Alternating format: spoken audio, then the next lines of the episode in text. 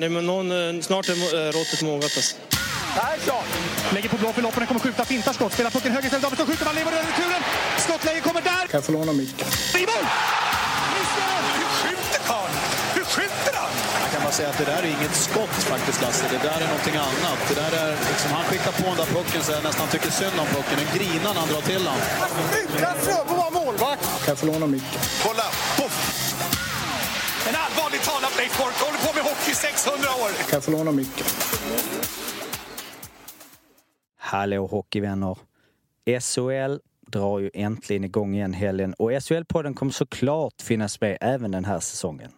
Om ni undrar vem jag är så kan ni vara lugna. Morten kommer programleda podden även den här säsongen tillsammans med André och nytillskottet, den nyblivne svenska mästaren Per Arla Albrandt.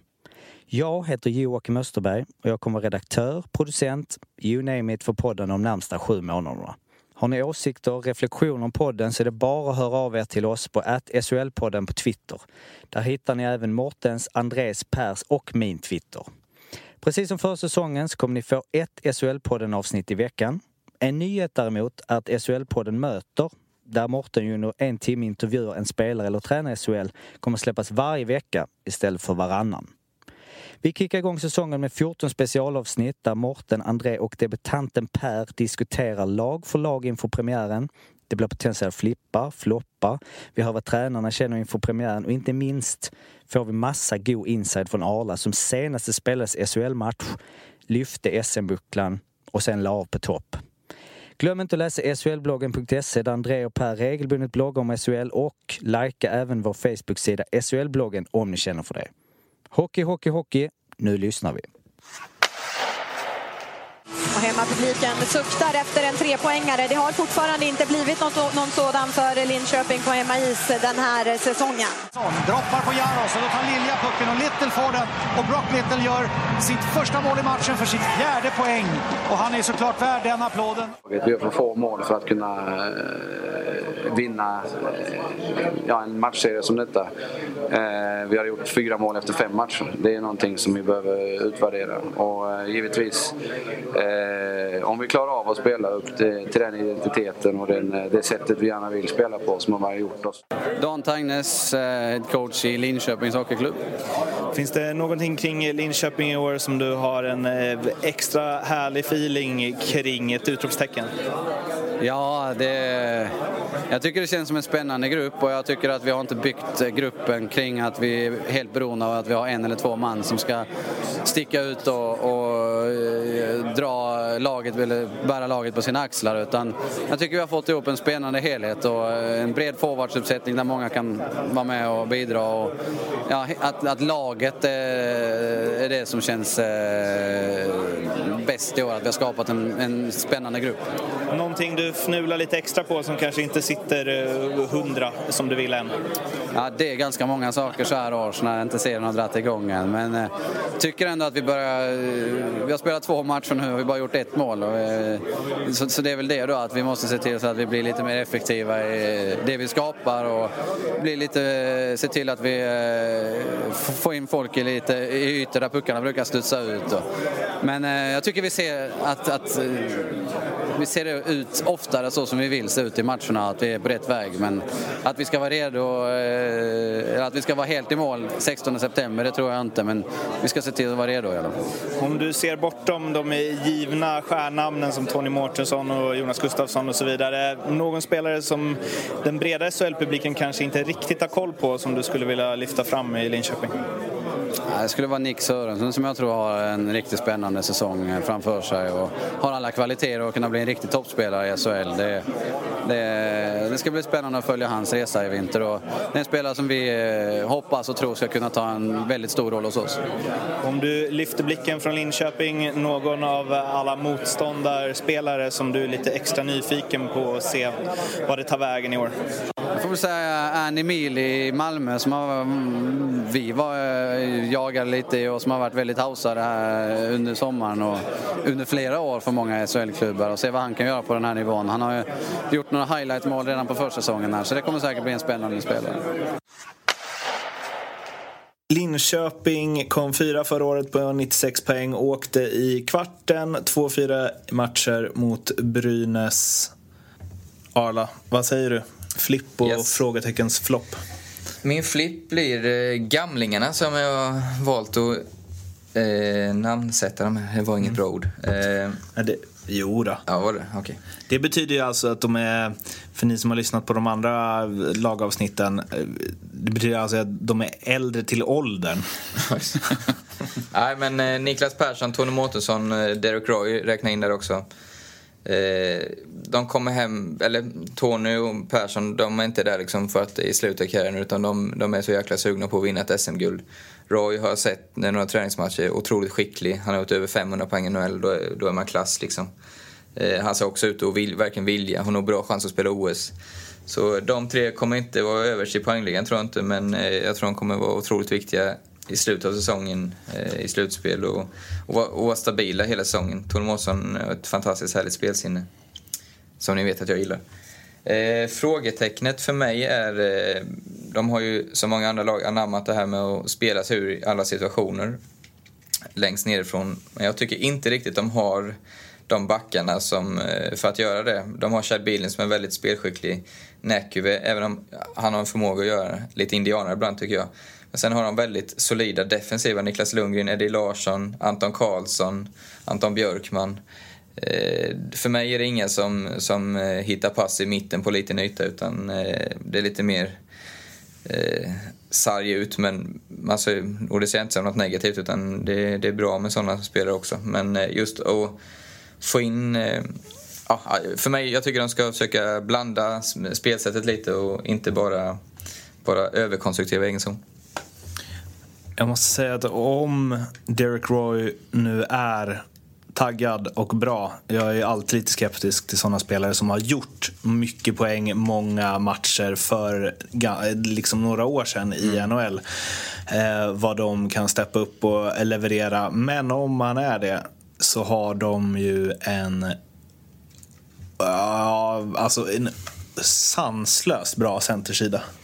Ja, jag håller med dig. Och jag, jag, för honom tror jag OS är en stor motivation. Jag menar, det är chanslöst att komma med om, en, om alla NHL-killar är med. Men nu tror jag absolut eh, det var en bidragande faktor till att han kom till Europa för att få, få den chansen. Så jag tror han är, tror och hoppas att han är fullt motiverad. Vad känner du kring Linköping, André? Ja, jag gillar Linköpings lagbygge eh, helt och hållet. Framförallt så tycker jag de har fått in en vinnarmålvakt i Jonas Gustafsson av monstret. Eh, det har väl också varit lite en eh, bristvara tidigare. Eh, det har varit helt okej målvakter där men ingen sån här riktig liksom, kanon. Och det har man fått in nu i år så det tror jag man kommer ha stor nytta av. Och, det känns väl som, som den viktigaste pjäsen för mig. Sen har de ju otroligt många skickliga spelare överlag men just att, att målvaktssidan är, är stabila, det, det tror jag de kommer ha stor nytta av. ska ju träffa honom imorgon ehm, och eh, jag ringde honom tidigare. Blev så besviken när han inte svarade Hej det är monstret. Han var även skön på upptaktsträffen där, eh, befriande, när han nämnde sig, själv som bästa nyförvärv. Det, och det, och det, det kan mycket väl bli så, för han har sett ruggigt bra ut. För de har väl ändå varit lite, nu går jag lite på känslan här jag har kring Linköping, det har varit lite slarvigt defensivt. Liksom senaste säsongerna. De har haft väldigt fri, alltså liksom spelare i poängliga topp och så vidare. Men det känns som att de verkligen kunde så här rasa ihop ibland.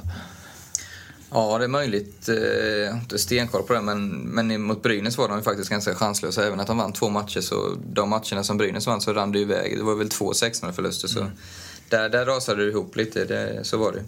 Sen så har det blivit något med Linköping att vad de än värvar, hur de än får liksom... Det kommer transatlanter med fina eh, records och så vidare. Men de har inte riktigt, alltså vinnarkulturgrejen och så, de har inte riktigt fått ihop det.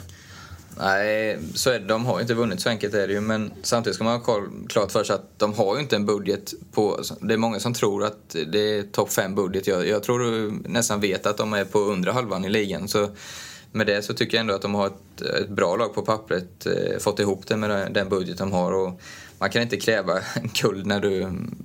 Då, har du en budget där du är topp två, tre i ligan, då, då ska du vinna.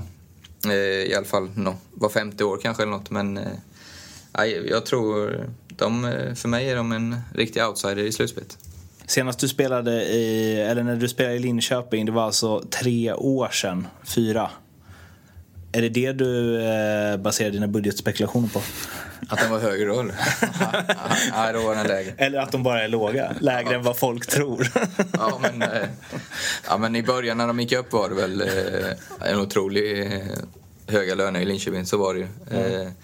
Men sen har det varit lite strul med ekonomin. Så, nej, det, så är det inte längre.